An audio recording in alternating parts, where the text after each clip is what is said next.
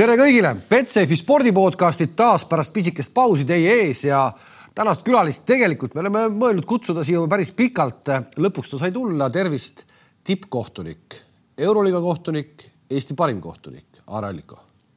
no tere, võib-olla küll mitte päris niimoodi tituleerituna, aga, aga, aga, aga lähedale. Täna on neljapäeva hommikul me juttu räägime, tavaliselt me teeme neid salvestusi kolmapäeviti, sinuga seda teha ei saanud, sest kolmapäeviti on mängupäevad sa olid taas jälle ära, sa tulid Veneetsiast põhimõtteliselt otse lennuki pealt praegu siia, eile õhtul jõudsid hilja. eile õhtul hilja jõudsin. ja mitu lendu sa aastas äh, teed, kohtunikud pedantsed vennad, et äh, sa ilmselt mäletad ja, ja paned kirja ka? päris aus olla, ma tegelikult lende ei ole lugenud, aga ma võin öelda nii, et äh, kui teha niisugune kerge matemaatiline arvutus, et ainult kui me räägime klubihooajast, siis mul on olnud hooaeg, kus mul oli kas viiskümmend kolm välismängu. nüüd pane see, et Tallinnast lennates tõenäoliselt on vähemalt kaks lendu, et jõuda sihtkohta, kaks lendu tagasi. nii et noh, keskmiselt neli lendu, pane nüüd see viiskümmend kolm mängu korda neli, noh, mõnes kohas on tegelikult see, kus lende on rohkem. kakssada viiskümmend tõusu maandumist aastas. see on klubihooaeg, samal ajal ma veel vilistasin siis ka mingid koondiste mängud äh, kus, kuskil veel suvel, nii et noh lennukis intsidente järelikult ikkagi juhtunud on, ma ei tea, siis turbulentsi väga hullu, äikest sisse löönud, kõiki neid jutte, sa ikkagi elad ju põhimõtteliselt lennukis. Äh, ma olen vist olnud õnnelik lendaja, et äh, tegelikult niisugust äh, ärevat hetke on võib-olla olnud ühe korra, kui läksime seminarile, kus Türgis oli Istanbuli kohal oli tõsine äikesetorm ja ja kohtunikke koos lendasime ja siis taga sihuke salongi osas sihuke noh, nagu ikka lennukis enne maandu, maandumist seal veel rahvas räägime edasi kõik ja kui siis järsku pauk käis, siis oli terve lennuk oli haudvaik. keegi kuskilt karjatas korra ja keegi kuskil juba korra hakkas karjuma, aga vist oli äike, kas lõi nüüd siis lennukisse või lõi kuskile kõrvale, aga ei polnud midagi, paari minuti pärast juba hakkas jälle summin pihta. aga maandudes sa ikkagi see mees ei ole, kes aplodeerib, et kohale olete? No, et... ei ole aplodeerija, sest tegelikult ma olen kuskilt kuulnud, ma ei tea täpselt, mis see põhjus on aga tegelikult ei tohi et see pidi midagi tekitama lennukis või midagi, et tegelikult see aplodeerimine ei ole üldse hea asi lennukis wow,. midagi täitsa uut minu arust. see, see, aga see on noh, ma olen seda kuulnud nagu kuulujutu tasemel, et no, ma ei oska ma, ühtegi fakti nagu juurde öelda. ma ka sinna hulka ei kuulu, kes lennukis aplodeerivad. kui palju üldse kohtunikule aplodeeritakse, kohtunikele pärast mänge, on kunagi keegi aplodeerinud ka, et tõesti nagu vägevalt tuli, lähete väljakult ära, teil alati on turvamehed seal ümber, aga aplodeeritaksegi, et saite hästi hakkama ma arvan, pigem see aplodeerimine mitte ei ole selle peale, et me hästi hakkama saime, pigem see võib olla, kui koduvõistkond võidab ja, ja fännid on rahul, siis on nad ka nii-öelda kohtunike tööga võib-olla rohkem rahul, eks, et aga ei, on selles mõttes, et saadetakse ka vahest nagu nii-öelda hea tujuga ära ja, ja, ja ütleme, sihukest asja on päris tihti, et et mingid fännid, kas siis mingid nooremad või, või ka täiskasvanud, et nad ongi, kui nad saavad kuskile sinna sellesse koridori lähedusse, kus kohtunikud lähevad nii-öelda üle selle võre, siis nagu mängijatelegi, et viska viis ja high five ja ega kohtunikud ei ole kadedad, et kui, kui, kui tahetakse, siis loomulikult viska. autogrammi ikka võtma ei tulda äh,? olen kirjutanud autogrammi ka. oled ka? ja, kusjuures siit võib rääkida siukse loo sinu lemmikmeeskond äh, välismaal Žalgirist, nagu ma olen aru saanud, on ju, siis tegelikult seal on olnud üks niisugune härrasmees. ma arvan juba kaks, paarkümmend aastat või rohkemgi, niisugune vanem härrasmees, kes on alati enne Žalgirise välismängu kohtunike hotellis. välismängu? no selles mõttes nagu, et äh, noh, ütleme nii-öelda rahvusvahelist mängu, selles okay, mõttes. Nad mängivad kodus, on ju, on alati Kaunases, ta teab, kus hotellis kohtunikud on. ta teab, millal kohtunikud enam-vähem mängule lähevad, ta on alati varem kohal. Tal on olemas selle mängu siis buklett, ta võtab sinna oma vihikusse, kõik kolm kohtunikku on kirjas, kõigilt autogrammid, kuupäev, ühesõnaga tal on niisugune mapp olemas kõik, kes siis on Žalgirise kodumänge vilistanud, ma ei tea, mitukümmend aastat nüüd. ja see vend on kogu aeg oli kohal, kuni nüüd Covidi teemaga siis mingi hetk tal ei lubatud enam tulla lihtsalt, et see nii-öelda Covidi protokoll ei lubanud äh, tal hotelli tulla. aga ta isegi esimesed mängud oli Covidi ajal oli, oli olemas. kas Covidi protokoll on läinud viimastel, äh, ma ei tea, kuudel või nüüd uue hooaja alguses natukene lihtsamaks ka? Ma pean silmas lihtsalt seda, et et minu arust on seda ülereguleerimist, mitte et ma oleks maskivastane või, või et haigust ei oleks olemas, kõik see on olemas, kõik asjad aga seda ülereguleerimist olukorras, kus kolm kohtunikku vilistavad väljaku peal, kogu aeg vilistavad ja siis lähevad üle vaatama midagi ja siis panevad maskid ette. Äh, jätab päris totra mulje. euroliigas ei ole seda maski me kunagi ette pannud Euro. ja euroliigas ja, mitte. see on Champions League'is ja, ja, ja FIBA mängudel on küll, kus nad panevad selle maski nagu vist ette et.... ja euroliigas ei pane jälle. jah, et euroliigas on see, et peab olema lauakohtunikel mask eks. ja okay., ja kui kohtunik läheb, siis on samamoodi, et me päris ei läheks nagu selle lauakohtuniku päris sinna kõrva äärde, vaid vaatame distantsilt. euroliigas veel saame vaadata tegelikult väljaku pealt seda, et me ei ole üldse juures seal. eurokapis peame minema selle lauakohtuniku taha või selle IRS-i operaatori taha, aga ei, me maski seal ei kanna aga iseenesest on läinud äh, natuke lihtsamaks, noh näiteks eelmine aasta võib-olla jäi telekast nagu silma, et mängudel, kus olid pealtvaatajad ja vahel, kus ei olnud, siis äh, mõlemas väljaku otsas oli postament, kus oli üks mängupall veel lisaks mängupallile. nii kui see läks sealt äh, nii-öelda clean zone'ist välja, nii kohe vahetati pall ära, läks järgmise palliga edasi. siis sellel hooajal me ei ole nagu palli vahetanud, et on üks mängupall, sellega mängitakse, on pealtvaatajad, ei ole, ei ole vahet, sest no ma arvan, et seal on see teema, et pealtvaatajad on tekkinud, on lubatud ja minu teada nad ka kontrollivad, nagu meil siin Eestiski on, eks, et sa peed olema kas vaktsineeritud, kontrollitud, mis iganes, et noh, põhimõtteliselt teoorias saali peaks saama inimene, kes on siis mingit pidi nagu kaitstud, onju. ja samamoodi on kohtunikel, et kui me eelmine aasta tegelikult tegime enne igat mängu minnes-tulles igal pool PCR testid, onju noh, see oli juba ka selleks, et üldse Eestist välja lennata, oli vaja seda testi onju. enam ei tee siis? siis nüüd põhimõtteliselt Euroopa Liidus piisab sellest vaktsineerimispassist. kui sul see on tehtud, siis sa tegelikult Euroopa Liidu siseselt võid lennata niisama ja samamoodi on mängudel, et sai teha enne hooaega nagu selle taotluse, et kuna sul on vaktsineerimine tehtud, siis sa ei pea tegema igaks mänguks. aga samas, kui ma lähen Venemaale kuskile mujale, siis äh, Iisraeli, siis Iisraelis on see, et sa lähed PCR testiga, pluss veel sa teed koha peal äh, lennujaamas seal näiteks järgmise testi. palju sind torgitud on, seda sa numbrit oskad öelda või äh,?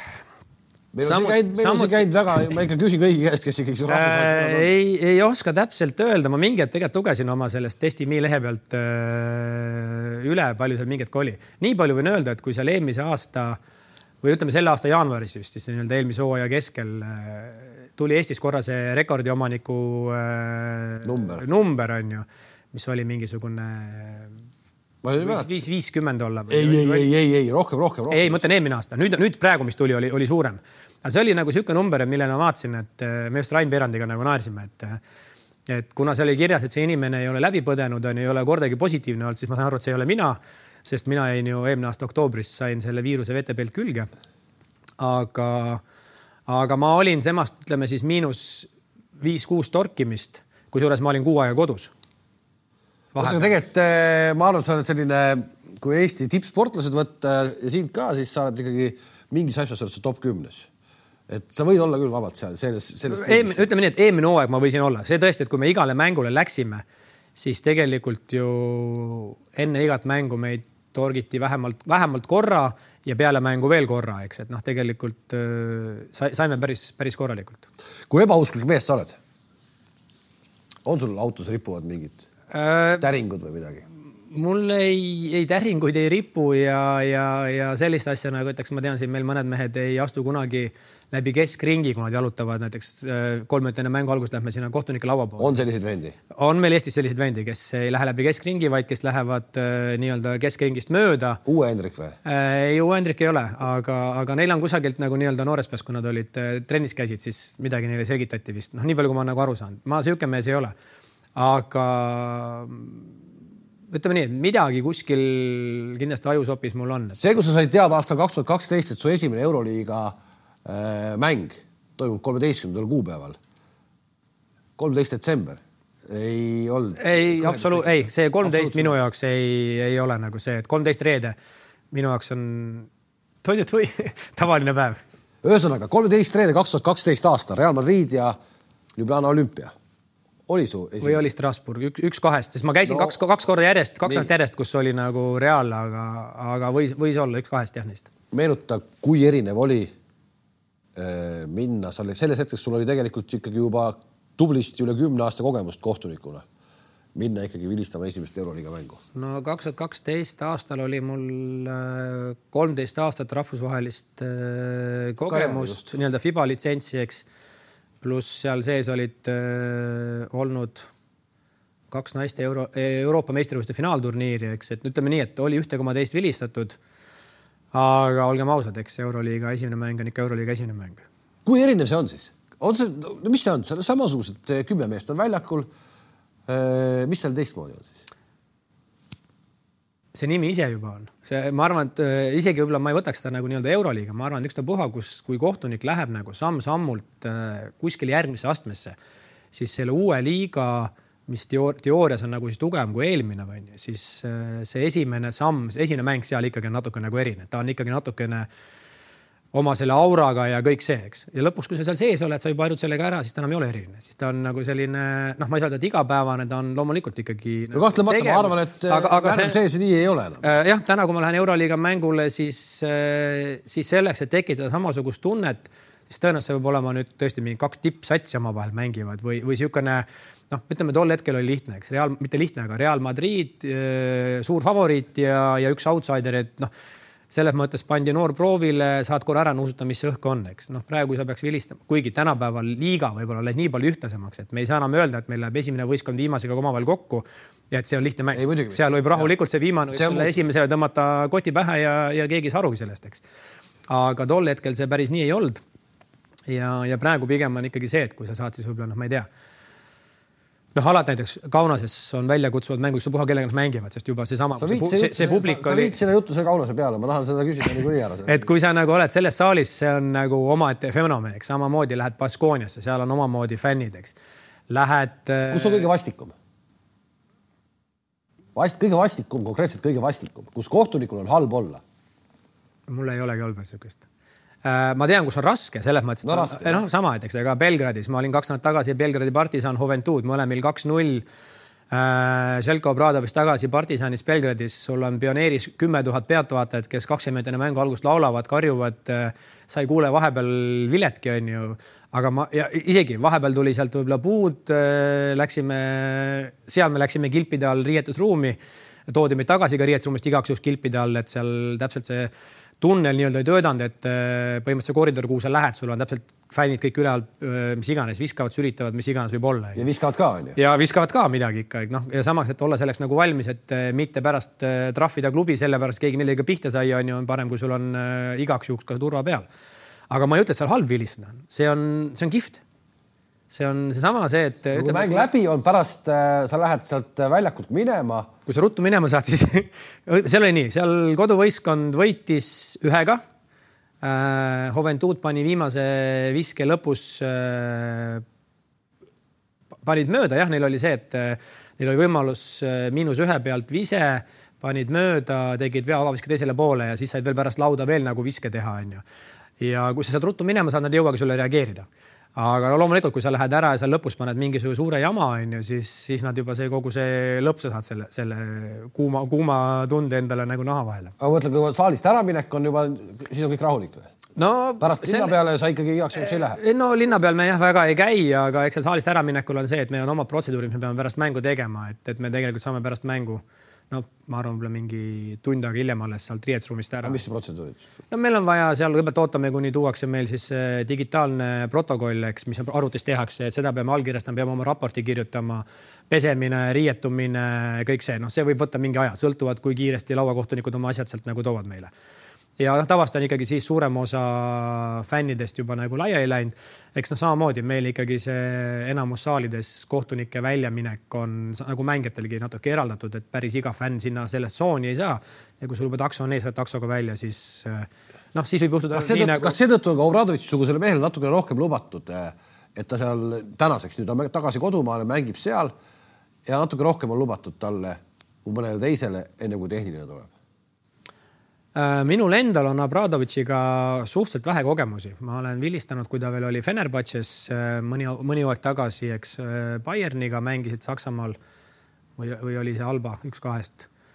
ja ma ütleks nii, et mina tema seda raevukamat poolt polegi näinud, et samamoodi, ega nad praegu tegelikult ju kodus ka, nad olid terve mängu taga, nad tulid alles seal kolmanda lõpuks tulid nagu, ei, nad isegi kolmanda lõpus olid veel miinus kümme. et ja ta ei tegelenud kordagi kohtunikega et äh, noh, mina arvan, et äh, ta on praeguseks hetkeks võib-olla ka natuke, kas siis natuke rahulikumaks jäänud või, või ütleme nii, et ta on see treener, kes, äh, kui tema nagu ägestab või midagi on, siis sa pead tõsiselt mõtlema, mis nüüd valesti läks kuskil, et ta enam ei võta nagu sihukeste tühjade asjade pärast, et et a la, et hakata siin nagu mõjutama või, või noh, ütleme, mis on need treenerite erinevad taktikad. aga, aga kes on kõige sellisem suurem noh, ütleme, kelle, kelle eest ei tahaks nagu väga liiga palju läbi joosta Euroliiga treeneritest, kes need on sellised nagu, kust kogu aeg tuleb mingi lause, kogu aeg midagi tuleb, on see Ituudis, on see Ataman, on see? Äh, ütleme nii, siin ma jätan nagu nimed nimetamata, eks, aga, aga, aga, aga on kindlasti need treenerid, kellega nagu sa ütlesidki, et äh, kes võib-olla siis nagu kogu aeg sul kõrva taga midagi nagu selle, töö käib, kogu aeg, et, et noh, kindlasti nendega nagu natuke ebameeldivam äh, äh kuhu, siis... aga kuhu maani see piir võib minna, kuhu maani see piir võib selles mõttes minna, et kui palju sa lased nagu öelda? ma tahan, ma jõuan nagu lõpuks sinna, et sa panid näiteks Žalgiris areenil, sa panid Jassikevitšile, panid tehnilise ära noh, see, kas see, see, kas see jättis siukse noh, ütleme, et me võime nalja visata umbes, et ma sain CV-sse kirja et ma saan pärast teistele kohtunikele öelda, et ma panin tehnilise ära, aga miks sa siis otsustasid okay, panna, miks ma, sa otsustasid panna, võtame selle konkreetse selle, selle konkreetse näite no. nagu lahti lahata praegu onju, sest tegelikult ma seda kuulsin sinu seda kommentaari ka, sest ma juba tegelikult pärast mängu juba tuli mulle sõnumitesse, et kuule, et Kruus pani hea kommentaari sulle onju ja, ja, ja täiesti ma saan aru, et kui, kui kommentaatorina vaatad nagu seda mängu kõrvalt onju, siis võib-olla jäigi arusaamatuks, mis see oli. tegelikult sellele momendile eelnes äh, kus ta varem juba korra mul kõrva ääres nii-öelda noh, ütleme siis plahvatas või reageeris. kuna ma ei näinud seda, ma ainult kuulsin midagi, siis vanem kohtunik tuli risti üle väljaku ja tegi hoiatuse, mis tegelikult iseenesest mulle kui kohtunikule on siis ütleme kollane kaart, et minu baarimees peab tulema üle väljaku ja tegema hoiatuse, mis tegelikult on minu ülesanne ehk sina oleks pidanud tegema tegelikult, tegelikult oleks mina juba tegema hoiatuse. ta tuli sinu mängumaale. noh, põhimõtteliselt, aga kuna ma ei näinud, eks see oligi nagu andsid kõrva taga midagi oli, ma ei näinud, siis ma ei osanud sellele reageerida, võib-olla ma arvasin ka, et see ei ole veel piisavalt, aga vanemkohtuniku jaoks oli seda juba liiga palju. ja see oli siis nagu kollane kaart mulle, mis tähendas tegelikult, et äh, kui nüüd samasugune olukord peaks uuesti tekkima, siis ma ei saa enam lasta seda varianti, et nüüd keegi tuleb üle risti, paneb ka tehnilised alla siis see on põhimõtteliselt. eks sa ennetasid. ühesõnaga. sa poleks oli... ise andnud võib-olla. võib-olla ma ei oleks. aga sa ennetasid. aga ma ei saanud jätta nagu seda varianti, et mulle tullakse veel korra nii-öelda minu mängumaale minu paarilise poole. aga, aga see ei ole, aga see kuidagi paika, see kuidagi paika pandud pole, et ära tule mu mängumaale, ma saan siin ise hakkama. sa vaata oma asju seal. kas seda paika, no miks sa tuled üldse, miks see sinu asi on praegu, sa ei ole, sa oled seal teisel pool väljakut, sa ära tule äh,. meil on äh, mingid teemad omavahel paigas. aga vanem kohtunikul siiski ongi sama teema, et tema peab tegelikult kontrollima kogu mängu osa. ja, ja kui ta tunneb, et äh, nüüd on see koht, kus ta peab nagu sekkuma, et kusagil üle piiride minema, siis ta teeb seda. see, need on need kategooriad, see esimene, teine, kolmas? ei, see isegi ei ole kategooria järgi, see pigem ongi see, et miks keegi kuskil on. et äh, ta tõenäoliselt, temal on see kogemust rohkem, tunnetust on parem. okei okay.. Äh, muidu väljaku peal me oleme erinevalt jalgpallist, me oleme natuke teistmoodi, eks meil tegelikult on kõigil ühesugused õigused. ehk tegelikult sa praegu ütlesid välja, et sa ei oleks pidanud selle tehnilist andma äh,? mitte ei oleks pidanud andma, vaid äh, pidin andma just sellepärast, et äh, kuna samasuguse käitumisest oli hoiatuse saanud, siis me ei saa lasta tal uuesti minna samasse kohta tagasi ja see on, ütleme nii, et selle point on selline.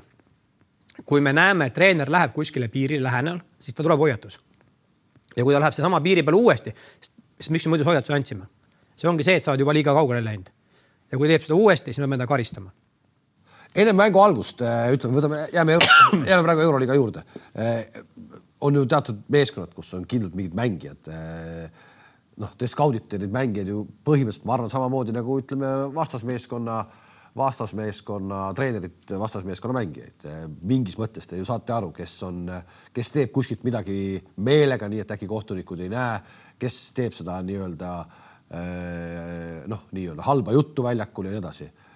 Äh, on sellised koosolekud teil mängu, et jälgime seda, jälgime seda, jälgime Degolot, jälgime seda? ei, meil on jah, selles mõttes, et enne igat äh, mängu on hommikul tavaliselt pärast hommikusööki on meil siis koosolek, miiting, kus siis igaüks toob lauale siis selle mängu nagu, mis ta arvab, et võib nagu oluline olla ja loomulikult me käime läbi seal äh, ütleme siis kõik ohukohad, noh, selleks on mängijad, selleks on situatsioonid, selleks on noh, mis iganes võib olla. kellad, jälgida lauakohtunikke, teame, et siin on probleeme olnud, on ju. noh. lauakohtunikega? Äh, ja no selle, mitte isegi lauakohtunikega, näiteks mingid saalid on, kus äh, noh, rohkem kui üks kord aastas juhtub näiteks, et aeg jääb seisma millegipärast. arusaamatu asjad, kell läheb kuidagi järsku, rünnakuaeg muutus millest. kodumeeskonna kasuks reeglina äh,, reeglina võib nii, võib naa olla. see käib ikka jätkuvalt tänase päevani? ei noh, ütleme nii, suures plaanis ega ikka meelega väga teha ei saa, aga ütleme nii, et vahest öeldakse, ups, süsteem tegi midagi, noh, ma vajutasin, aga süsteem tegi midagi muud, no kõike võib olla. Äh, kuna meil on ka need äh, viled, eks, et automaatselt kell jääb seisma, meil on seal mikrofon nii-öelda, mis töötab tegelikult äh, mitte selle vile hääle peale, vaid töötab tegelikult nagu siis õhu peale, õhusurve peale siis tegelikult on vahest see, et kui me kõva häälega, meil on vile suus kõva häälega kellegi ütleb midagi, täitsa vabalt võib olla see, et lihtsalt, et sa räägid siis selle hingeõhuga, sa paned korra selle kella seisma. oot, oot, oot, räägi, sina paned kella seisma? jah, kui sa ei ole tähele pannud, siis äh, Euroliigas, Eurokapil kõigil kohtunikel on puusa peal meil siin kardik, mida vajutame, sealt me vajutame aja käima ja meil siis samamoodi nagu praegu mul mikker siin on. no miks te siis vaatamas käite seda aega kogu aeg äh,? seepärast ongi, et kui me vahepeal ei pannud tähele, näiteks see aeg võib vahepeal minna seisma sellepärast, et, et äh, keegi ei vajutanud, keegi ei teinud midagi, aeg seisis. me lähme ja vaatame järgi, et millal ta seisma jäi, palju peaks ajast maha võtma, see on, kui mängu keskel käime tavaliselt vaatamas. mängu lõpus me käime tegelikult vaatamas seda, et äh, alati kohtunik vilistab mingi viivitusega. ma ei vilista, et äh, nüüd juhtus ja kohe on vile samal ajal, eks. juhtus juhtub mingi aeg, ma analüüsin korra ja siis tuleb vile, seal võib olla kuni mingi pool sekundit, mida iganes. veerandaja lõpus, kui sul on, jääb seal näiteks kas null koma kaks või null koma seitse, seal on suur vahe. null koma kaks, sa ei saa viset sooritada, sa pead tegema ainult täppi, onju. null koma seitsmega võid sa palli võtta ja visata. ja siis me käime vaatamas sellepärast üle, kui on veerandaja lõpus, palju meil aega jääb panna täpselt see hetk ja, ja siis me võtame video järgi, mitte see, mis hetkel ma vilistasin, vaid see hetkel, mis hetkel see kontakt toimub. me võtame esimese kaadri selles kohas, kus kontakt toimub, vaatame ülevalt kella järgi ja paneme selle kellaaja. et sellepärast me käime, ütleme veerandaja lõppudes olukorras käime kella vaatamas. mis su kõige suurem kala Euroliigas on olnud, mis sa teinud oled? pärast mänge tehakse neid raporteid, sul on ilmselt keegi, kes teid jälgib, annab tagasiside. mis su kõige suurem kala on nende kümne aasta jooksul?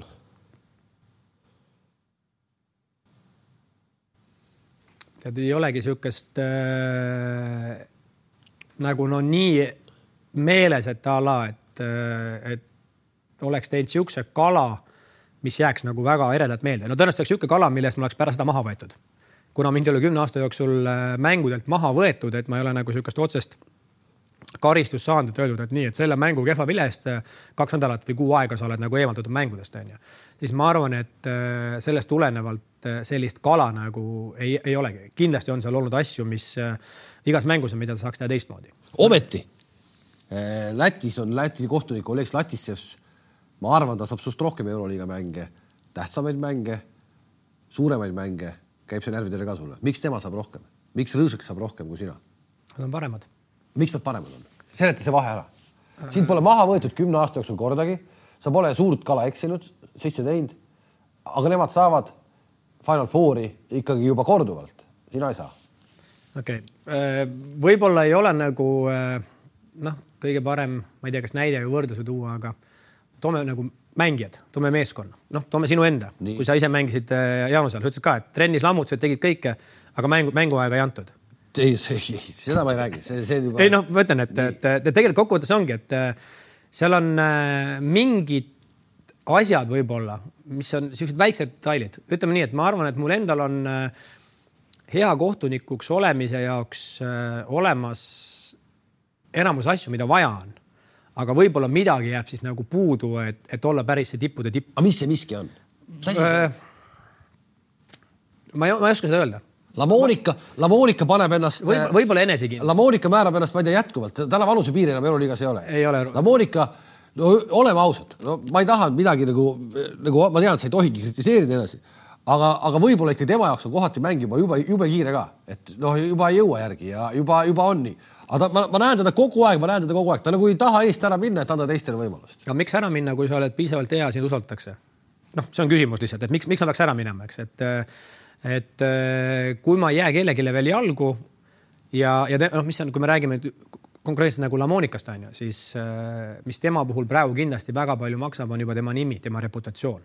et ega kui me võtame NBA samamoodi, kui seal vilistavad mehed, kes on seitsekümmend pluss ja edasi kõik. mis sa arvad, nad on äh, kiiremad kui see uus kahekümne viie aastane, kolmekümne aastane mees, kes tuleb, on ju. et aga, aga, aga see on see tema, see, tema see aura juba kohtunikuna, keda kõik teavad et äh, me samamoodi, eelmine nädal partisani mängul olime koos Lamonikaga onju. Äh, ma arvan, me kõik koos tegime hea tiimitöö. aga sellegipoolest tema oli see, kes mingi hetk võib-olla seal mingi hetk võttis mingid mehed onju ja, ja isegi nad võib-olla, kuidas ütleme siis, nad ei olnud isegi võib-olla nõus mingeid asju seal, aga nad lihtsalt see respekt on nii suur.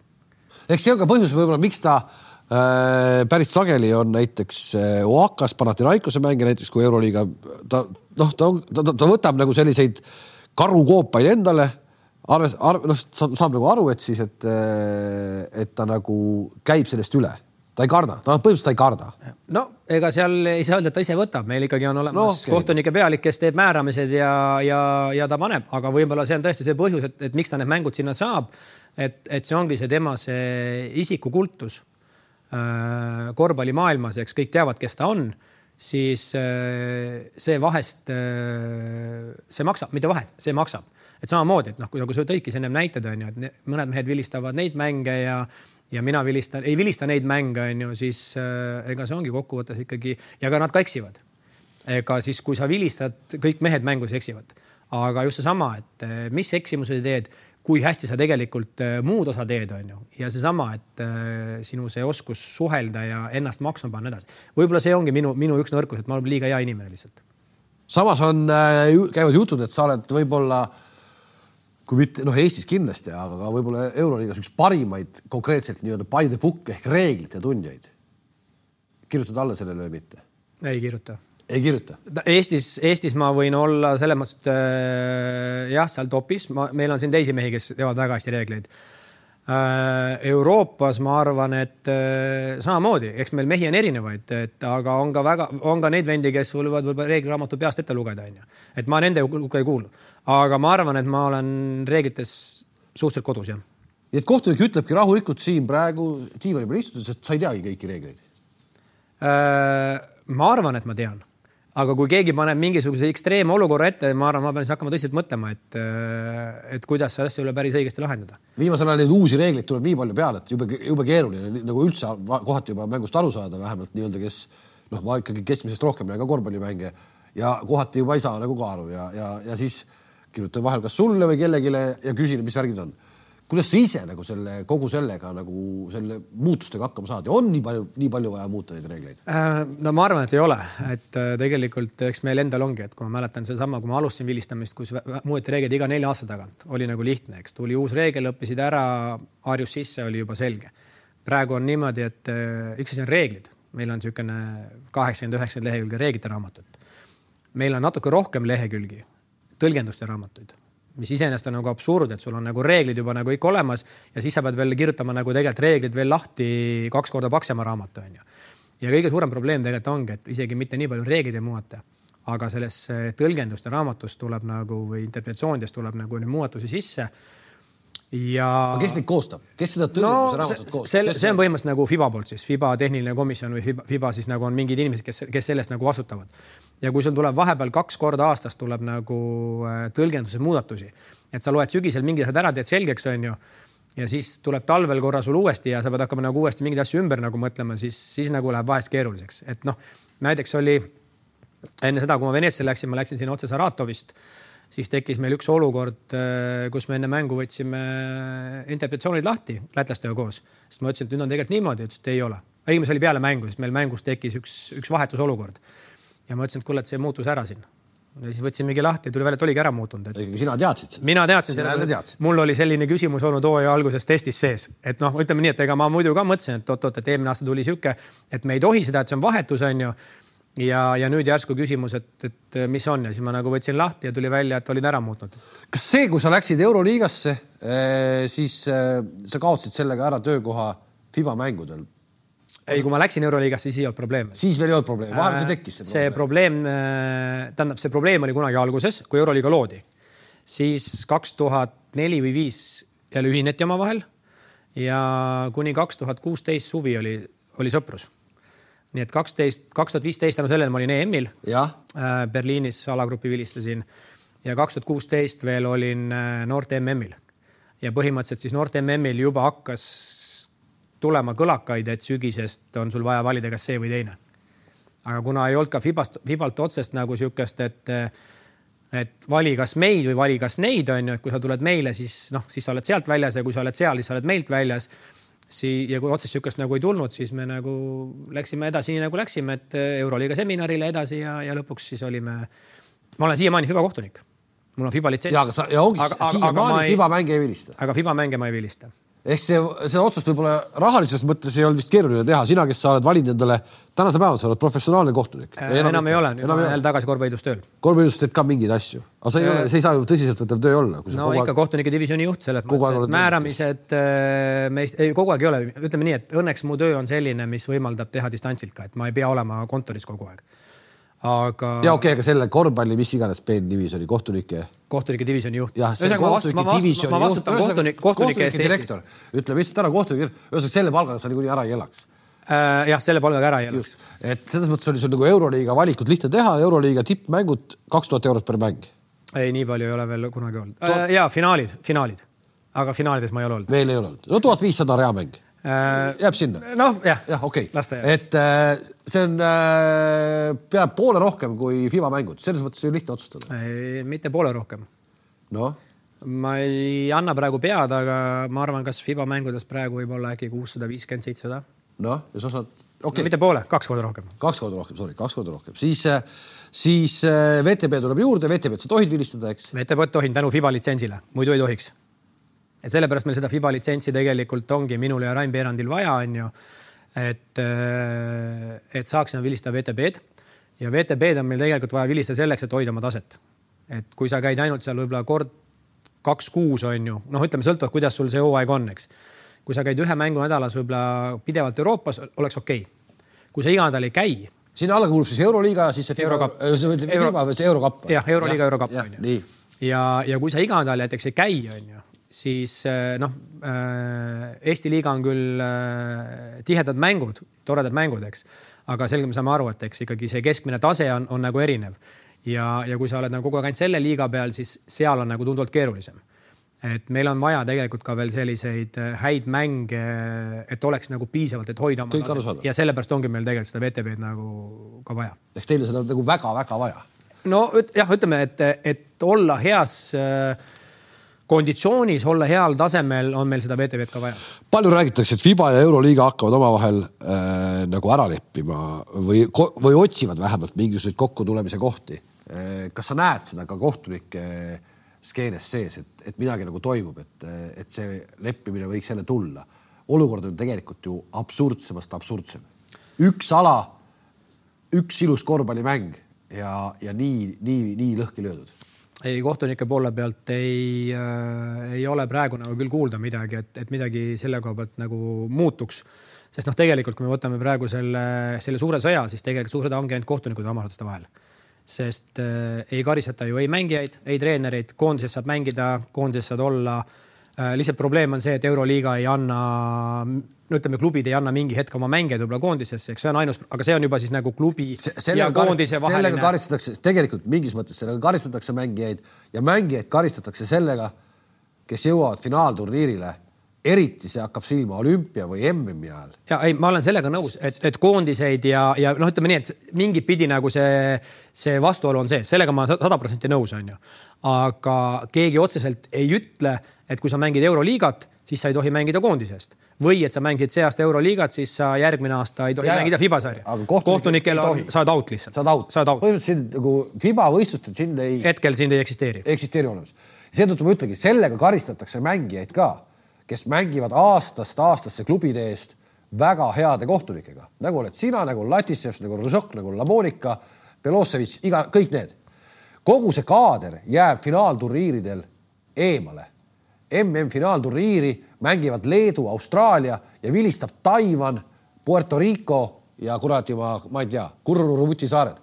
ühesõnaga see tase, see on, see, see, see on karjuvalt piinlik minu arust. okei okay,, no kui sa võtad jah niipidi, siis äh, ma nagu alguses seda ei mõelnud, et, et äh, ütleme siis Euroopa tippkohtunike puudumine suurturniiridel, et, et sellega karistatakse nagu neid, jah, sellega ma võin nagu mingit pidi nagu nõus olla, et et tegelikult, kui me vaatame varasemalt äh, kõik suurturniire, eks, et tegelikult on olnud ju kogu aeg, on olnud Euroopa tipud, on olnud Põhja-Ameerika tipud, on olnud Lõuna-Ameerika tipud ja siis on äh, nii-öelda noh, ka mujalt veel, äh, kes on siis nagu juures, sest igast, igast sellest maailma jaost peavad kohtunikud ka olema, kus on ka siis kohalikud tipud, on ju, kes tulevad ja saavad, Austraalia ka, eks, Austraalia on ka ikkagi seal, tippmehed on ikkagi nagu väga tasemel. aga praegu hetkel on jah, ütleme siis äh, Euroopast nagu need mehed puudu, kes tegelikult vilistavad siis Euroopa no, kes ikkagi kõige, kõige kõrgem, kõige kõrgemat taset. sa pead ju tunnistama, et need vennad, kes seal nüüd MM-finaalturniiril mingil hetkel vilistavad, nad ei ole ju sellist mängu näinud, nad ei olegi, nad ei saagi sellele pihta, see pole ju võimalik noh, eks nad mingil, mingil määral seda mängu kindlasti on näinud, et ega Champions League'i liigu, liiga tipp on ju, on ka ikkagi tase ja needsamad mehed tegelikult nii mõnedki on olnud. Taiwan'i vennad. ei, ei seda no, küll, ma mõtlesin no, praegu Euroopa meestest no. nagu, et kes Euroopas on, et, et Taiwan'i vennad ma ei oska öelda jah, mis, mida nad kuskil vilised on, eks, et noh, ma ei oska öelda, kuidas on see Aasia meistrivõistluste tase on ju äh,. kuidas see klubide meistrivõistlused seal on, et noh, me ikkagi teame rohkem, eks, mis meil Euroopas toimub ja noh, kui me vaatame ka Hiina liigat ainult, eks mehed, mis numbritega tulevad, siis suurte äh, numbritega, suurte numbritega tulevad. kohtunikke pole vaja selles mängus täitsa võimalik jah, et, et aga noh, ei, ma ei tahaks üldse nagu halvustada neid, eks nende jaoks on see ka ikkagi. Äh, nad teevad ju oma tööd nii hästi, kui nad oskavad ja selle taseme pealt nagu noh, ütleme nii, ma toongi piltlikult selle näite. kui ma peaks minema Eesti meistrivõistluste pealt äh, või, või Eesti, Est-Lat liiga pealt on ju, või isegi Balti liiga pealt peaks minema MM-finaali vilistama, siis tõenäoliselt oleks ma samas olukorras, et Kalev Kruus vaataks mängu, ütleks, mida see allikas sealt Eestimaalt äh, küll siin mängul teeb, on ju seda küll, aga äh, mängijatel ikkagi on unistused liikuda samm-sammult kõrgemale. sul oli ka Eestist välja saada äh,, said Euroliigasse, see on Euroopa absoluutne tipp. miks sellist liikumist ei ole, et äh, Euroopa tippkohtunik saaks võimaluse ka, NBA-s? Pole vaja üldse, vajadust ei ole või?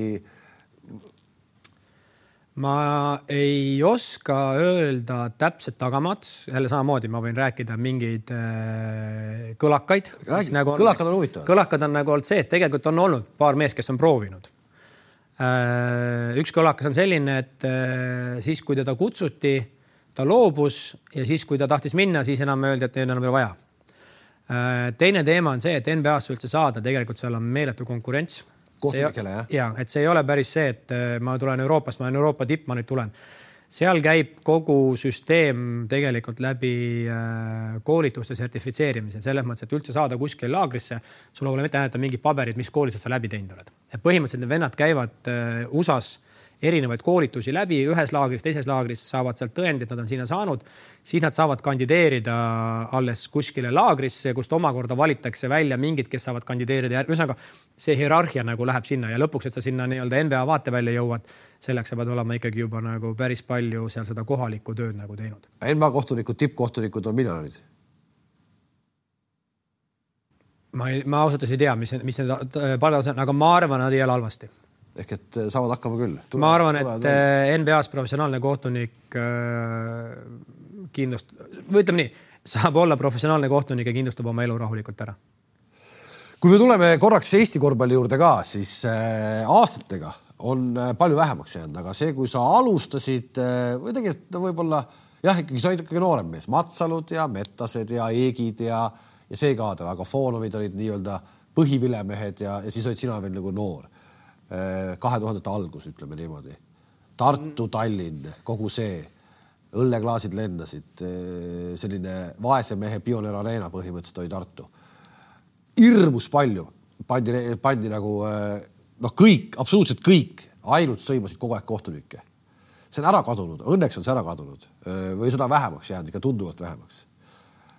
miks sa üldse tol ajal valisid selle ameti endale?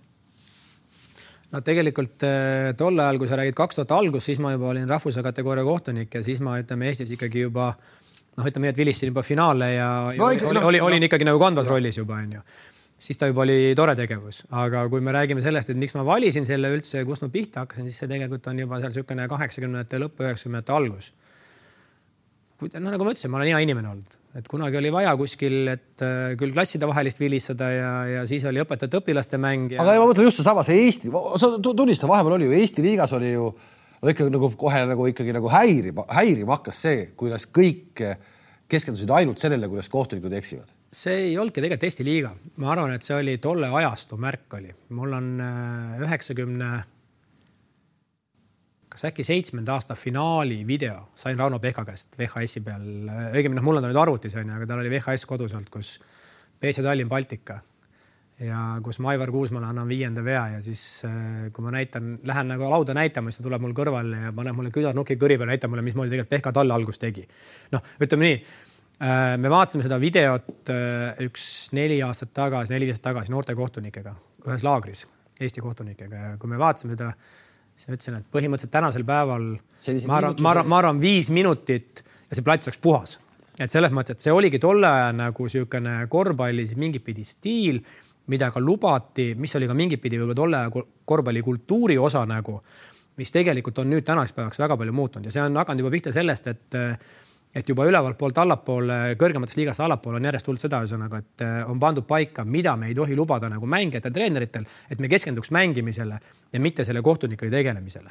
ja kui sa mäletad siin veel mingid aastad tagasi, kus hakati järsku väga kergelt andma tehnilise käitumise eest, siis tegelikult see käitumine on kõvasti muutunud ja me ei pea enam andma tehnilist nii, nii kergelt ja, ja tegelikult noh, pigem ongi minu jaoks äh, see kultuur ise suures plaanis on muutunud. Ja kui see kultuur muutub mäng väljaku peal, siis ta muutub ka mingil määral saalis aga kas ta tohib minna liigast steriilseks? ei, ma arvan, et ta liigast erilist ei lähegi, et ma arvan, et me käisime seal kuskil korra ära, kus me liiga palju nii-öelda me karistasime ära, eks. ja nüüd me tuleme tagasi, kus me laseme jälle, tegelikult noh äh,, korvpall on emotsioonidega mäng ja see tegelikult, mis me tihtipeale ka võistkondadega ja mängijatega, noh, ütleme Eestis äh, tekib see, et ärge nüüd tapke kogu emotsiooni ära. et me üritamegi teha selgeks, et me ei tapagi emotsiooni. me tahame lubada emotsiooni, mis on positiivne aga kui see emotsioon läheb negatiivseks ja suunatud nagu nüüd siis kohtunike vastu onju, siis me peame seda karistama, mitte ainult kohtunike vastu, kui see negatiivne emotsioon on suunatud ka vastas mängija vastu, et me ei tohi lasta ka seal mängijad omavahel onju seal äh, üksteist seal sõna sõtta ja, ja solvata ja nii edasi kõik, et kui me seda kuuleme, näeme, peame sellele reageerima. et emotsioon on lubatud äh,, isegi mingisugune iseenda peale vahest pahandamine. noh äh,, mis näite ma toon, ma arvan, see oli Eesti, Eesti liiga mäng oli. ja ja mängija pani mööda ja no ütleme, tuli see karvane sõna üle väljaku, noh no, saalis oli ikka kõik kuulsid. ja võib-olla mõni kohtunik pani tehnilise, noh, meil on lapsed saalis, meil on naisterahvad saalis on ju ja siis tuleb niisugune karvane sõna on ju. ja mulle piisas sellest, ma ütlesin mängijale selle nime, mängija käe püsti, sain aru juba, I got it. ühesõnaga ta sai juba aru, et seda ei ole vaja ja tegelikult ei olegi vaja karistada, ühesõnaga sa teed mängija selleks, et, et tegelikult sa läksid praegu asjaga nüüd kontrolli ennast või sama asi on, eks mängija läheb, paneb leialapi mööda, onju, siis läheb, paneb käega alla vastu seda pehmendust, seal lööb kõva, kõvasti korra ja keerab ümber. no niikaua, kui ta ära midagi ei lõhku, mis ma tast karistan? tol ajal, tol ajal oli Eesti korvpalli ümber ka sellist nagu käraka panemise fooni hästi palju. Äh, mängijate osas, vanemad mängijad, nooremad mängijad, seda oli palju, seda oli palju. Äh, kohtunike osas, kuidas oli? Äh, on see osa professionaalsemaks muutunud? Äh, sa nüüd mõtled, äh, kas kohtunikud üleüldse tarbivad alkoholi või sa mõtled? ei, ikka võib-olla, et võib-olla natukene lõdvema, lõdvema randmega pidi vilistama äh,. ma arvan, et ja selles mõttes ma võin öelda küll, et ajast, ma ei mõtle praegu ainult Eestit, ma mõtlen ka siis, kui ma juba olin väljas vilistasin, eks üheksakümmend üheksa alates kogu see teema võrreldes sellega, mis oli vanasti mingil ajal ja mis on praegu, on nagu kõvasti läinud äh, professionaalsemaks ja sportlikumaks. see tuli mingil hetkel tuli Fibast, ma arvan, isegi Fibas võib-olla praegu on ta võib-olla isegi liiga sõjaväekord juba onju et äh, noh, ütleme. mis see tähendab, FIBA kohtunik ei tohi enne no, päev enne mängu? mitte, mitte päev enne mängu, vaid isegi peale, isegi peale mängu noh, ei tohi, et. hotellilobis ei tohi juhti õlut ei tohi või? jah, no põhimõtteliselt ja, ja noh, ütleme, see meil on samamoodi ikkagi noh, kirjas on see, et neli, kaks-neli tundi enne mängu ei tohiks nagu alkoholi tarbida üldse onju. aga, aga ma arvan ikkagi see, et peale mängu teha üks õlu kuskil äh, või klaas veini õhtusöögi juures, see tegelikult ei tohiks nagu olla probleem, eks. no lihtsalt, mida meile on ka öeldud, et mis võib nagu ohukoht olla, on see, et kui me oleme kuskil hotellis, sööd või restoranis kuskil mingi pahatahtlik ajakirjanik äh, tuleb, teeb pilti ja pärast on järgmine päev lehes sul, noh, kujuta ette, mis fotomontaaži annab teha ju. et Aare Alliko klaasi veiniga ja sellist, sellest pannakse kuskil ajalehte pannakse no, pilt või? kui, kui, kui tahetakse mingit jama korraldada, siis sa tead, et tegelikult annab ju korraldada, kui sul on kuskil materjal kohal olemas, millest teha, siis sellest annab kirjutada suure loo kokku. ehk siis sa pead lihtsalt tegema klaasi veini kilekotist jooma. ei no, ei, ütleme nii, et me ikkagi niimoodi päris ei tee, et me ikkagi selles mõttes, kui me oleme restoranis äh, õhtusöögil peale mängu, siis me ikkagi ei peida seda alkoholi, vaid me noh, me ei ole ka, ütleme nii, me räägime praegu klaasist veinist või pokaalist õllest on ju, mitte see. aga mingeid pööraseid lugusid ikkagi, et keegi Eestis väljaku peal on äh, kohtunikest noh, ikkagi natuke hädas omadega. Niisuguseid pööraseid lugusid sa rääkida ei taha? no ütleme nii, et äh, nendest me ei räägi praegu jah, et äh,. aga on juhtunud äh,? ma ei oska, ma ei saa öelda, et on keegi kindlasti purjus peaga väljakul olnud, eks, aga, aga omal ajal kindlasti on, on, on olnud, et noh, nii nagu, nagu ütlesidki, et mängijadki on, on, on tulnud väga-väga raskete olukordadega, eks, et ega keegi teadlikult sinna nii-öelda, kui me teame, et, et sihuke asi on, eks, et loomulikult siis me oleme enne mängu üritanud selle sellise vahetuse ära teha, kui, kui peaks olema, eks, aga, aga kindlasti võib olla, et kellelgi on eelmisel õhtul kuskil mingi pidu olnud. tol ajal räägiti no siis sa ometi ei vilistanud veel kaheksakümnendate keskel või kuidagi, et äh, nii-öelda äraostmise, äraostmised, äraostmised.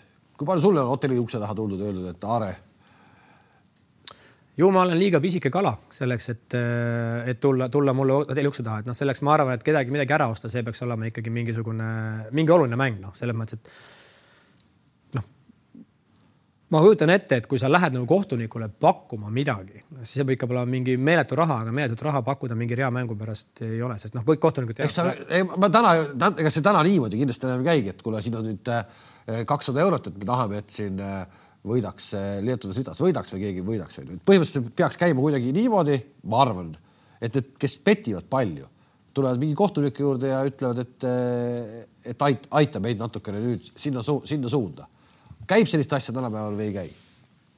seal on päris suured rahad mängus. no ütleme nii, äh, Eesti mõistes ma tean, meil on olemas ka kohtunike deklaratsioonis kirjas see, et sa tegelikult ei tohi üldse absoluutselt, kui kuskil mingisugune, noh, nii nagu mängijatel, eks, kui sul tuleb keegi ligi, kuskil mingi info, sa peaks selle kohe jagama. meile infot ei ole jõudnud, no ma ei, ma ei taha uskuda, et, äh, et me, ütleme nii, et minuni ei ole mingit infot tekkinud, oleks tekkinud, me oleks sellega kohe tõenäoliselt tegelenud. aga ma ei ole kuulnud, et et äh, kui sa räägid nagu pettimisfirmade või mingi pettimis, mitte firmade, vaid pettimise, ütleme siis, kes pettida tahavad, tulevad, et äh, ei ole praegu küll kuulnud kuskilt. Pole nagu ka Euroopas. ei, ma ütlen, seda pettimise teemat ei ole nagu, ei ole nagu olnud. kui sa alustasid vilistamist, oli kaks kohtunikku. tänaseks on neid juba kolm. rohkem neid ei mahu sinna Kolm... no kuulda on, et NBA äkki midagi üritab. üritab nelja ei tea, midagi on kuulda olnud, vaatame, mis, mis elu toob. ma ära, ära ütle iial ei. kuidas see väljaku peal välja näeb praegu, äh, kui neli kohtunikku oleks, kes, mis plats, kuidas see käima hakkab siis ma isegi ei kujuta ette, igas nurgas üks või? noh, põhimõtteliselt nii nagu me praegu kolmekesi jookseme poole, poole väljaku peale teisele poole, et siis võib-olla igas neljas, nelja, jooksed neljakesi, et, et siis peaks nagu olema kõik, kõik kohad kaetud. ma ausalt öeldes isegi ei kujuta ette kui proovitakse, ega ma ei tea. kas see kolmanda kohtuniku toomine oli õige otsus omal ajal? on kindlasti. kindlasti? kindlasti. mäng on läinud nii palju kiiremaks äh, äh, kahe kohtuniku puhul oli nii palju äh, seda pimedat nurka, kus meil see praegu üks, üks mees nii-öelda abiks on. isegi kolmekesi me ei näe kõiki olukorda, no vahest võtadki mingi video lahti, klipi, et miks me ei vilistanud. hakkad vaatama, keegi ei saagi näha, see on täpselt niisugune olukord, et kaamera ülevalt näitab sulle, et seal on kontakt, aga mehed on niimoodi ümber, et sa ei näegi mitte kuskilt nurgalt seda et äh, kolm on kindlasti õige otsus.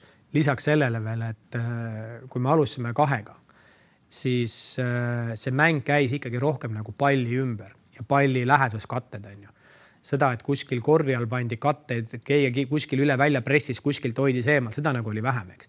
praegu, kui sa vaatad, siis tegelikult kümme meest on väikse ala peal ja kõik mehed teevad midagi praktiliselt, eks.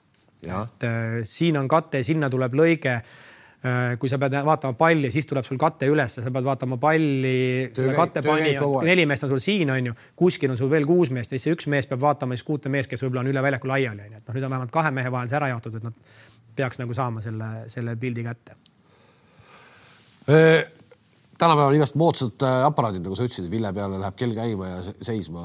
palju sa jooksed mängu ajal siis maha? Seda aparaati mul ei ole. Äh, mul on olemas küll äh, kell peal kogu aeg, äh, kuna saalis see GPS-iga nagu väga hästi ei toimi, et me seda distantsi ei ole mõõtnud. aga siuksed Euroliiga mängud on tuhat nelisada, tuhat viissada kilokalorit okei okay,, see on täitsa okei okay. noh, ütleme, see on, see on selline, selline info nagu, noh, see ütleme siis koos mängu eel soojendusega, et kogu aja, ajaline, ajaline kulu kuskil natuke üle kahe tunni on ju tuhat, kuskil tuhat nelisada, tuhat viissada. kergemad mängud, ütleme Eestiski on siuksed äh, Eesti mängud, ütleme, Pahvliiga mängud on äh, kuskil tuhande kahesajast ka kuni tuhande neljasajani, sõltuvalt mängust on ka olnud sinna päris, äh, päris kõrged. ja pulssi ikka näed ju, palju sul läheb äh,? pulssi võtame, tavaliselt on see, et noh, ütleme nii, maksimumi saan tavaliselt soojenduse ajal, see on siis niisugune saja kuuekümne peale kuskil. ikkagi punases äh,? ikka punases, nagu soojenduse ajal ikkagi viid ennast punasesse ära, et sa oleks mänguks valmis ja siis mängus äh, ma ei olegi nagu päris niimoodi vaadanud, palju on tulnud, ütleme nii, et ma päris soojenduse pulssi pole kätte saanud. aga noh, mingi hetk tõenäoliselt kuskil, kus on olnud edasi-tagasi mingi paar-kolm spurti ja siis tuleb veel mingisugune action sinna, kus lööb veel niisama ka pulsi üles, eks. et tõenäoliselt sealt ta tuleb äh, päris kõrgele. mis eeldab, et sa teed ikkagi päris korralikult ka sellist äh, noh, toorest jooksutrenni kes su sotsiaalmeediat jälgib, saab sellest aru, sa ikkagi paned üles oma ringe, mis sa seal jooksed. vahest. palju, palju, palju siis kilomeetreid tuleb? Ma ei ole jälle samamoodi, ma ei, sellist treenikilometraaži nagu taga ei aja ja, ja pigem on see rohkem niisugune enesetunde ja selle järgi. Äh, pigem jooksen rohkem jah, ütleme hooajavälisel ajal. kui hooaeg on, äh, kus kogu aeg lendad ühest kohast teise, siis äh, minu vanuses Sinu. peab andma juba natukene kehale ka nagu puhkust, et ma ei ole enam kakskümmend viis on ju, kus ma tulen lennuki pealt ja lähen jooksen maratoni, eks. et pigem on ikkagi see, et kui mul on siin noh, näiteks eilegi alustasin Eesti järgi siis kell neli lendasin välja Veneetsiast või? no ütleme enne veel hotelli, hotellis ka veel sinna, ütleme neli oli esimene lend ja ma maandusin Eestis kell üksteist õhtul. Veneetsiasse minekul äh, ma lendasin välja Eesti aja järgi kell kümme Saratovist ja maandusin Veneetsias Eesti aja järgi südaööl.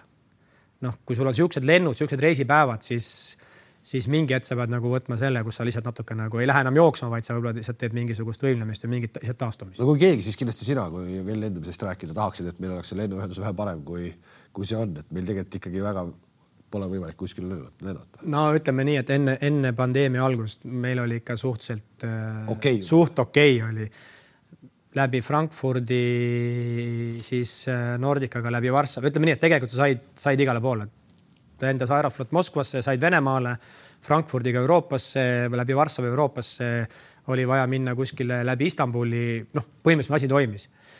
eelmine aasta oli ikka, noh, see oli ikka karaul. siis kõik need testid, kus lennujaamas on sul vaja ühte testi, kus lennujaamas teist testi, kus oli vaja antigeen kiirtesti, kusagil oli vaja PCR-i, kusagil oli vaja mõlemat, siis lennukid ei lenda, siis ma istusin kuskil Riias vahepeal kaheksa tundi lennujaamas, sellepärast et lihtsalt ei olnud vahepeal lendu tulla Tallinnasse Venemaale käime me siiamaani tegelikult ju terve eelmise hooaja pluss veel selle hooaja algus nii Euroopa mängudele kui VTB-le sõidame autoga Narva, jätame auto sinna jalgsi üle piiri, sealt on taksoga Peterburi ja Peterburist hakkad lendama. nii et sa põhimõtteliselt saad esimest lendu, sa reisid kuus tundi. võimas, võimas. et noh, neid lende nagu nüüd on midagi läbi Riia avanenud, läbi Helsingi, aga noh, need on ka siuksed, kuidas satub nagu. küsimus, mida sa ilmselt oled vastanud kümneid ja kümneid kordi kas kohtunikuks sünnitakse või kohtunikuks saadakse? Äh, ma arvan mõlemat. selles mõttes, et äh, sul peab olema sündides olemas see geen, et sust võib saada kohtunik ja siis. mis, mis geen see sihuke on? Äh, kas sa, kas sa nagu päris ma..., kas sa päriselus ka, kui keegi läheb punasega üle tee, olemata liikluspolitseinik, sa ikkagi võtad kõrvalt istuvad vile ja vilistad, kuule oo ei tohi, et sa ikkagi oled nagu päriselus ka natuke kohtunik või äh,? ma päriselus kindlasti mingit pidi natuke olen kohtunik, ma päris natist kinni ei võta. kellegi pool poes maski ees, sa kohe ikkagi paned tehnilise äh,? ei, ma selles mõttes päriselus neid, neid liigutusi ei tee, aga, aga ma ise üritan ikka päriselus äh, suhteliselt, suht-, noh, kas nüüd nöörimööda, aga jah, ütleme punase tulega, kui tõesti ühtegi autot kusagilt ei tule ja ma seisan seal niisama, siis ma võib-olla lähen sellega üle ära, onju. aga üldiselt ikkagi nagu üks näide ka, miks, kui sul on ka seal muud äh, rahvast veel selle punase fooritule all, eriti kui mõned lapsed on, lihtsalt ei saa anda halba eeskuju kui sa tõesti juhu üksinda, kusagil kedagi ei tule, on punane tuli ja sa lihtsalt siin peaks muidu seisma, siis ma võin üle. liiklustrahve, kui palju sa saanud oled, teades su ikkagi tausta, et sa oled suhteliselt edevate autode äh, austaja, võiks öelda. BMW ei ole sinu jaoks võõras, et palju sa trahve saanud oled äh,? tegelikult äh, kui päris aus olla, siis ma ei ole edevad, mulle meeldivad ilusad autod, seda küll. aga kui ma võtan oma viimase BMW, siis see oli aasta kaks tuhat neli no. äkki ikkagi on sul olnud ja ei, kunagi BMW-sid oli mul palju, need nii-öelda rullnoka BMW-sid, kui ma olin päris noor poiss ja siis olid küll. aga ei, tegelikult äh, sõit, sõitsin vahepeal täiesti tavapäraste normaalsete inimeste sest, autodega. sest sulle töö juurest anti neid? ei, ei, ei no,. ostsin töö ja ühe, ühe küll sain töö juurest, aga mille ma ise välja ostsin pärast, sest see nii-öelda liising sai läbi aga ei, mul on tavapärased autod, nüüd viimased autod on küll olnud äh,, proovisin natukene teistsugust autot, jäin väga rahule ostsin uue samasuguse. mis see on siis? Jaguari.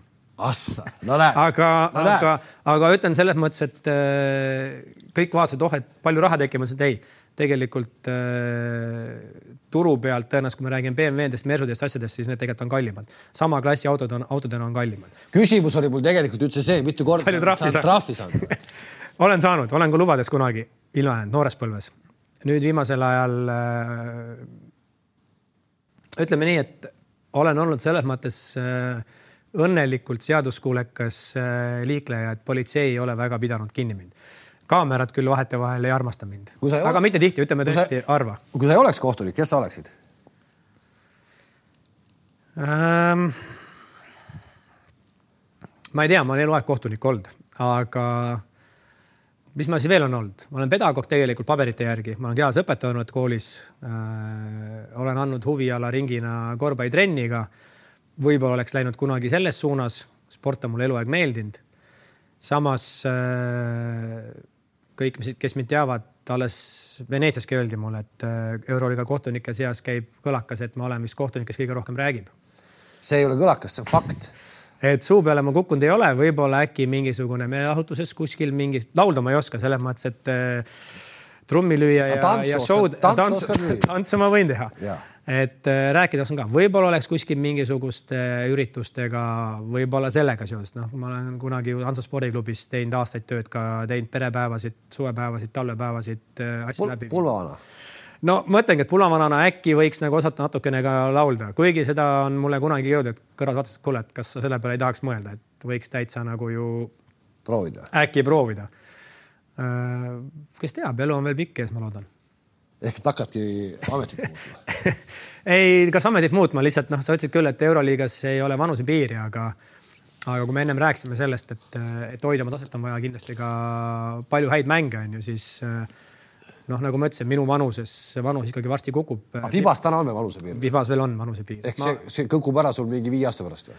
no tegelikult eh, esmase, ma arvan, kukub ära kolme aasta pärast. juba, juba., aeg lendab. aeg lendab ja, ja seal küll Fibas on nüüd ka tehtud see muudatus, et eh, kui sa oled Fibas tippkohtunik, siis sa võid võtta kaks aastat juurde ja kui sa oled veel jätkuvalt nii-öelda musta litsentsiga tippkohtunik, siis sa võid saada veel, kuni viiekümne neljani tegelikult aga kuna noh, hetkel ma ei kuulu Fiba mängude teenindavasse personali, siis tõenäoliselt mulle viiekümne pealt öeldakse aitäh ja head aega. tagasiminek täna, kui sa Euroliigas ütled, ma rohkem ei vilista Euroliigat. kas siis võetakse sind Fiba liivakasti tagasi või mitte? ilmselt mitte äh,. ainult see, nagu sa, kui sa enne mainisid, et kui tekib see leppimine, siis kui nad arvavad, et neil võib mind vaja minna, siis nad, siis nad võivad mind võtta. kui nad arvavad, neil mind vaja ei ole, siis äh, ütleme nii, et kui ma tänasel päeval lõpetaks Fiba vabatahtlikult ära siis ma suure tõenäosusega ei oleks taga, tagasiminekut. või ühesõnaga tagasivõtmist sinna, aga muidugi kunagi ei tea. kui meie saateid meil Youtube'is ikkagi vaatavad nooremad inimesed ka, siis äh, miks äh, keegi peaks tahtma saada korvpallikohtunikuks? me jõuame tagasi sinnamaani, et äh, kui sul on see geen olemas ja kui sa siis selle asja sisse saad, on ju, et äh, noh, ütleme nii, et see võib-olla ei ole nagu otsene vastus nagu sellele küsimusele, aga lihtsalt natuke nagu laiemalt seda rääkida, et kui sa rääkisid ennem, et kui ma tulin, eks, et ees olid meil suured korüfeed kõik, eks tegelikult oli meil ka nooremaid kohtunikke seal vahepeal. siis tulin mina ja pärast mind oli veel nooremaid kohtunikke. Tuli... siis oota, käime ära, siis no, Suslovid. no nemad on nooremad juba kõik. jah, sinust nooremad. minu nooremad, aga ma ütlen see, et kui mina tulin, tegelikult oli ju Heiki Rits oli meil ju väga perspektiivikas. Äh, aga väga lühikest aega tegelikult. nojah, lõpetas ära.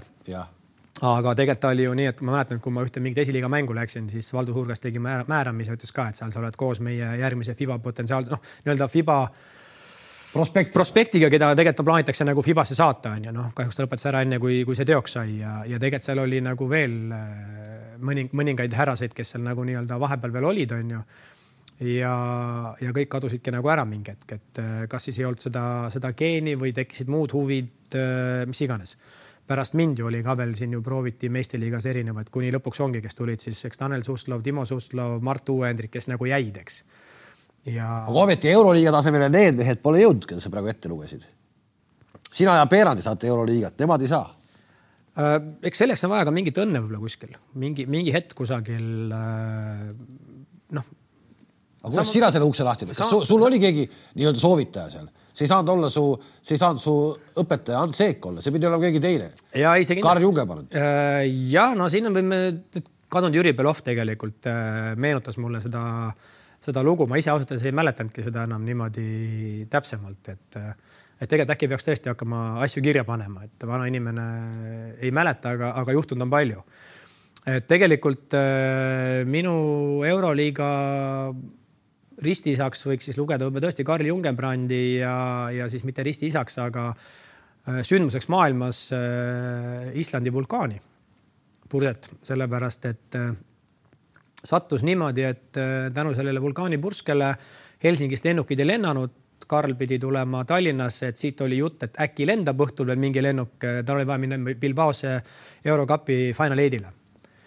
ja kuna ei teadnud, kas lennuk läheb, tuli Tallinnasse ja Atsa Matsalu tõi ta tolle hetke Balti liiga mängule, kus siis äh, Cramo mängis mingi Leedu satsiga. ja ta sattus mängu vaatama. ja sa kogemata vilistasid seda? ma täiesti juhuslikult vilistasin seda mängu. ja nii palju, kui ma kuulnud olen, siis see on olnud üks mitte lõplik, või ütleme, ma arvan, et see oli võib-olla lõplik tõuge. et tegelikult eks äh, tol hetkel Fiba ja Euroliiga tegid omavahel koostööd ja eks, eks kauditi kohtunikke ja, ja tõenäoliselt Fiba, Fiba käest küsiti, kes teil hetkel oleks nagu praegu need perspektiivikamad prospektid tol hetkel.